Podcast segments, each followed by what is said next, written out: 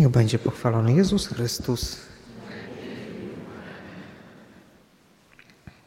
No co chcesz powiedzieć? No jestem znowu zbudowany tym, że tylu, tyle z Was zostało e, po mszy świętej. Nie sądziłem, że jest aż tylu małżonków tutaj, narzeczonych, kandydatów. Wspaniale. Moi drodzy, zostajmy w kluczu. A ile, ile wytrzymacie? Tak za 20 minut? Bo już zimno, nie? To za 20 minut. Jak y, przekroczę 20 minut, to tupcie w ławki. Myślę, że krótko powiem, bo się boję proboszcza. Jesteśmy w kluczu odkrywania znaków Bożej obecności i jak już zdążyliście się zorientować w sakramentach. Tej rzeczywistości, która w moim przekonaniu jest po prostu w Kościele tak obecna, no bo przecież Kościół sprawuje sakramenty, kapłani są do tego powołani, przede wszystkim kapłani, no diakoni i, i jeszcze wy. Mm, I o tym za chwilę. I jednocześnie ta grozi nam tutaj, jest, jest to poważne ryzyko, że ta zwyczajna obecność Pana w bardzo zwyczajnych znakach, w chlebie i winie, w wodzie, w oleju, w słowach, ona zaczyna nam zanikać.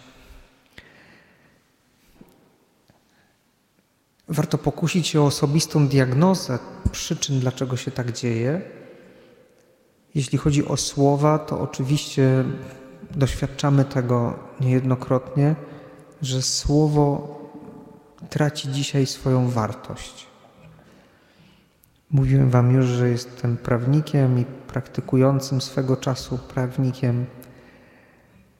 I możecie mi wierzyć, coś, co mnie właśnie napawało takim wręcz jakimś obrzydzeniem, chyba tak, tak, tak to trzeba nazwać, to było to, jak ludzie mm, bardzo pozbawiają znaczenia, pozbawiają wagi swoje własne słowo.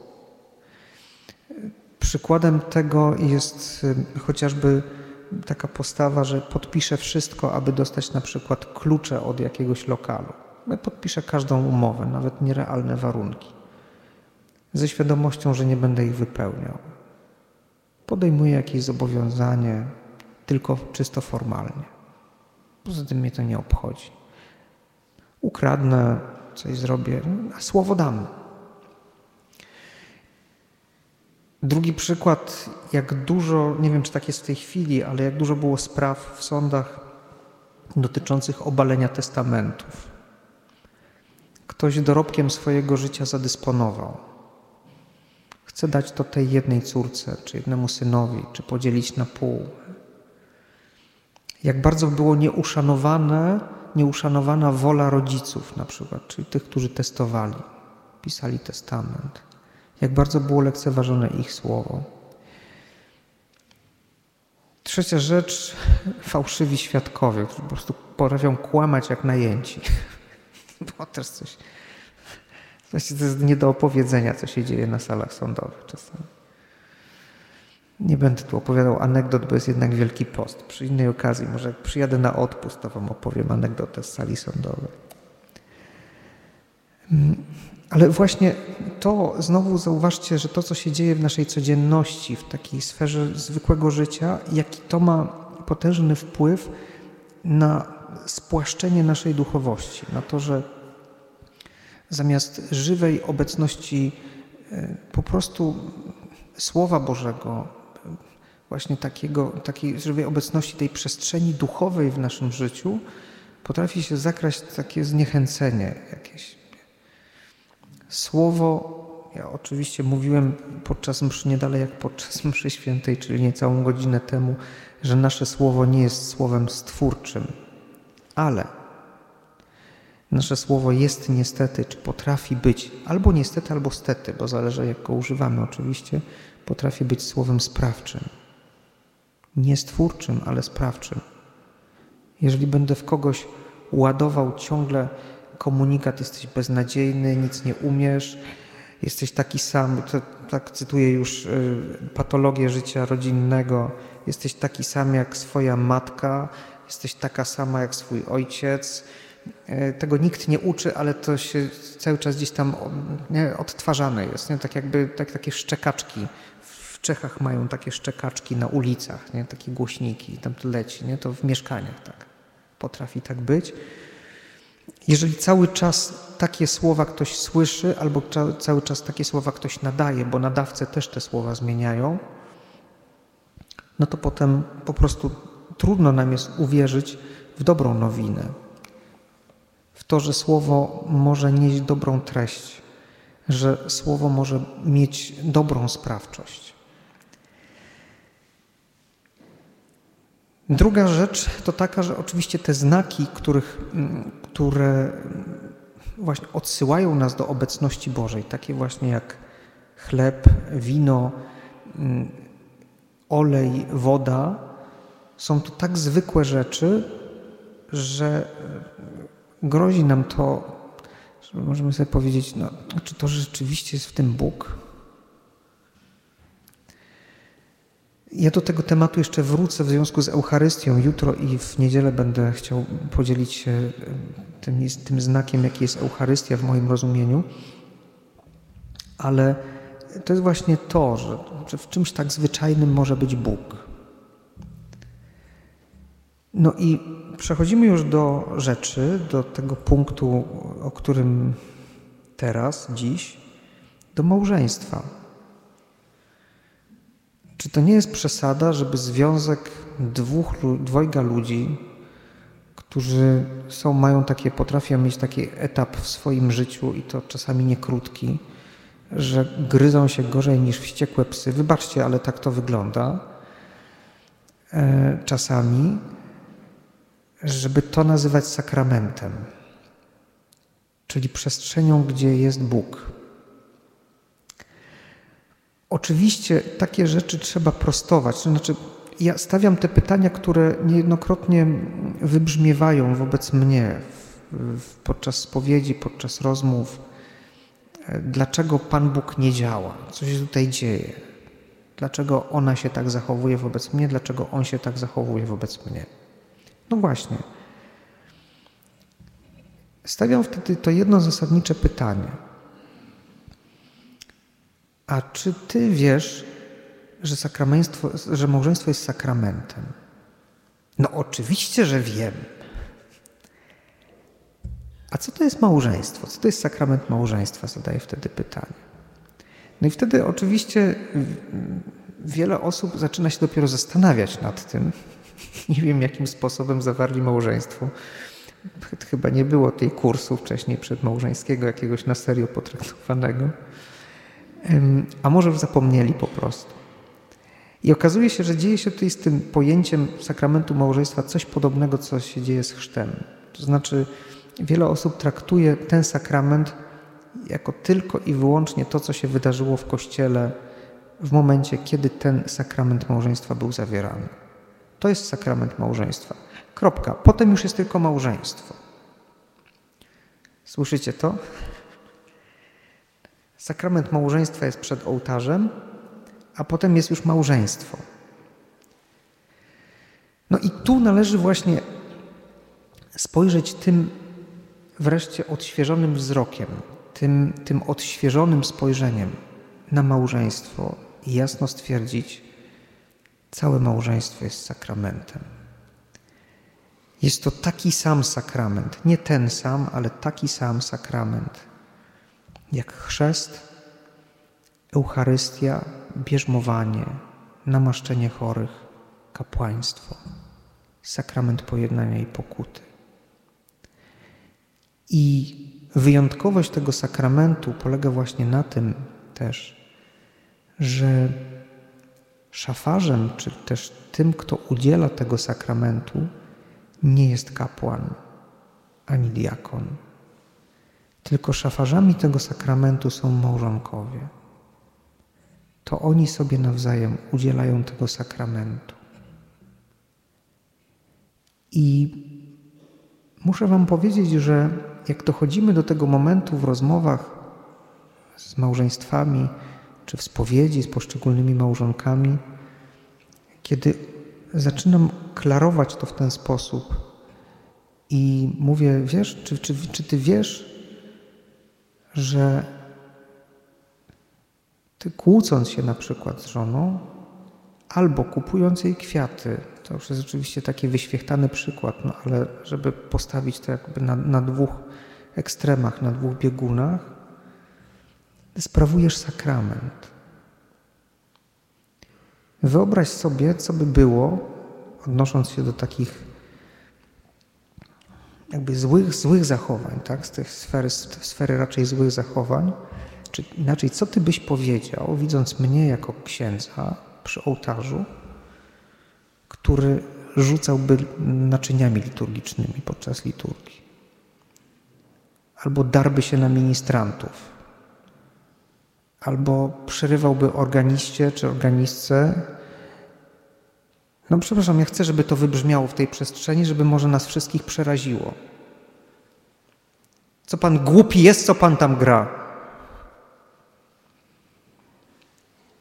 To aż nie pasuje do tej przestrzeni, to po prostu idą ciarki. I jak człowiek wreszcie dotrze właśnie w co wszedł. I że to małżeństwo, które przed ołtarzem było zawierane, ono trwa. Sakrament małżeństwa wykazuje pod tym względem wielkie podobieństwo, głębokie podobieństwo do sakramentu chrztu. Sakrament chrztu rozpoczyna się przy chrzcielnicy. Sakrament małżeństwa rozpoczyna się przed ołtarzem ale potem on trwa. I każdy z nas, jako chrześcijanin, można powiedzieć, w swoim życiu celebruje sakrament chrześcijaństwa, chrztu, przepraszam, sakrament chrztu, celebruje i każdy z małżonków w swoim życiu małżeńskim celebruje aż do końca życia, przez każde swoje słowo, przez każdą swoją myśl, przez każdy swój gest, przez każdy swój zamiar. Sakrament małżeństwa. To jest to odmienione spojrzenie, które chciałbym Wam podarować tego wieczoru.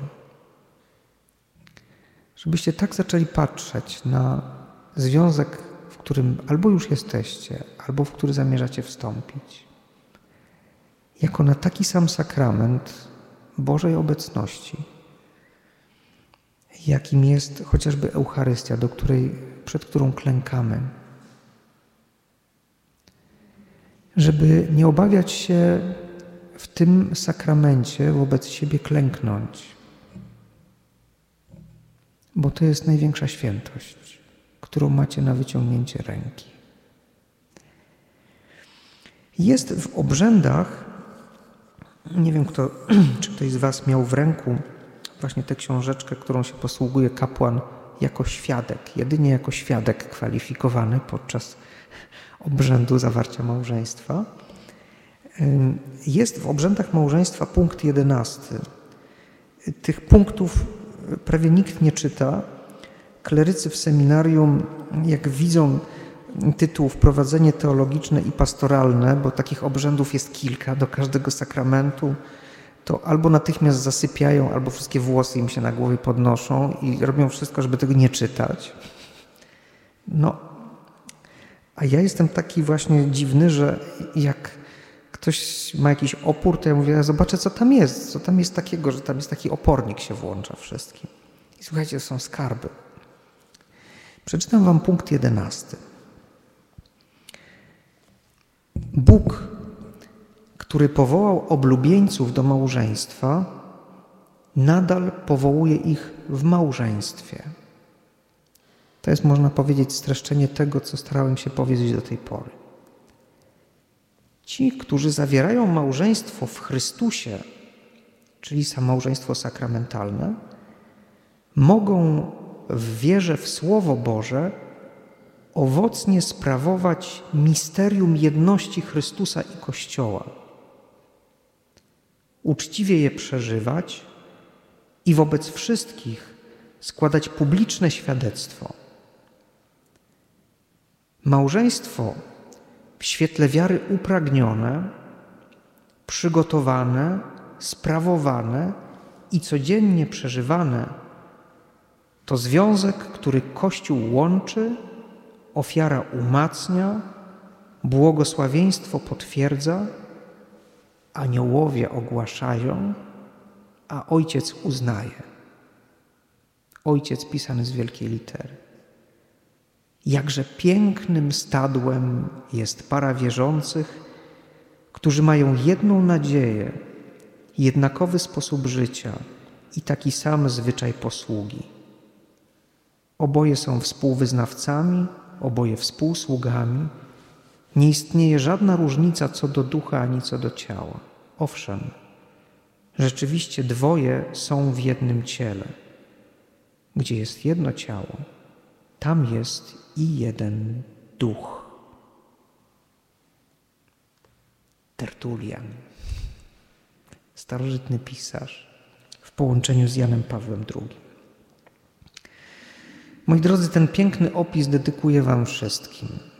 I chcę Wam też powiedzieć, że często modlę się za małżeństwa, za te małżeństwa, które znam, ale również za tych wszystkich, których nie znam, którzy albo przeżywają kryzys, albo wręcz przeciwnie, kwitną, żeby z tego e, wykwitu czasami nie wykwitła też palma, bo to też tak bywa, i że kilka razy do roku celebruję Eucharystię, której, której specjalne owoce ofiaruję za wszystkich, których w moim życiu spotkałem. Również wszystkich, których spotkałem na rekolekcjach. Może nie tak bezpośrednio, bo z wszystkimi pewnie nie będzie szansy porozmawiać, ale spotkaliśmy się tutaj w kościele, więc czujcie się włączeni w tę modlitwę, że jesteście kilka razy do roku również składani na ołtarzu pańskim, właśnie z intencją, żeby to, co przed chwilą przeczytałem, żeby się po prostu realizowała w waszym życiu. To jest najpełniejsze błogosławieństwo. I to jest ten odświeżony sposób spojrzenia na małżeństwo. Nie na tego, kogo, kto mi działa na nerwy już może, kto mnie irytuje swoim zachowaniem, tylko nieustanny powrót do tego początku, który jest zasadzony na miłości. To jest nieustanny powrót do Galilei, do tego początku powołania. I nieustanny powrót do tej myśli, że sprawujecie sakrament, żeby go sprawować w sposób jak najświętszy, żeby nie bać się przed nim uklęknąć i żeby go nigdy nie porzucić. To jest szczególnie ważne w tych czasach, w których żyjemy. Myślę, że jeszcze rok temu ktoś mógłby mnie posądzić o jakimś, jakąś, jakiś patos niepotrzebny.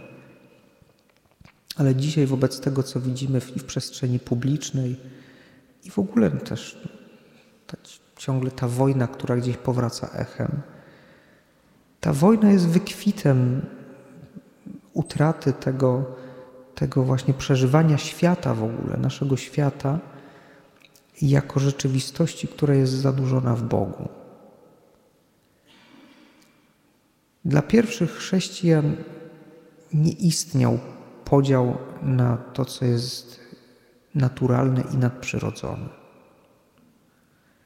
Pierwsi chrześcijanie, skoro zostali ochrzczeni, widzieli świat jako należący w całości do Boga, zanurzony w Bogu.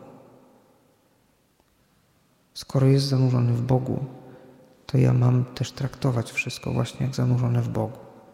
Święty Benedykt w naszej regule nam pisze o kuchni, że mamy traktować sprzęt kuchenny jak święte naczynia z ołtarza. Trochę może przerysowując, nie ma różnicy między kaplicą a kuchnią. to może być w każdym z tych przypadków albo rzeczywistość Boża, albo taka rzeczywistość, która niesie śmierć. A my, jako chrześcijanie, jesteśmy wyposażeni w tę moc dawania życia, niesienia życia. Jestem przed czasem i kończę. Spełnienia się tych wszystkich dobrych słów, tego błogosławieństwa. Życzę Wam, moi drodzy, kochani, w Waszych małżeństwach, w Waszych rodzinach.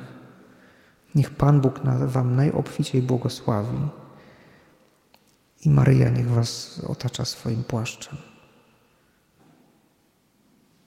Niech będzie pochwalony Jezus Chrystus. Dziękuję Wam bardzo za spotkanie.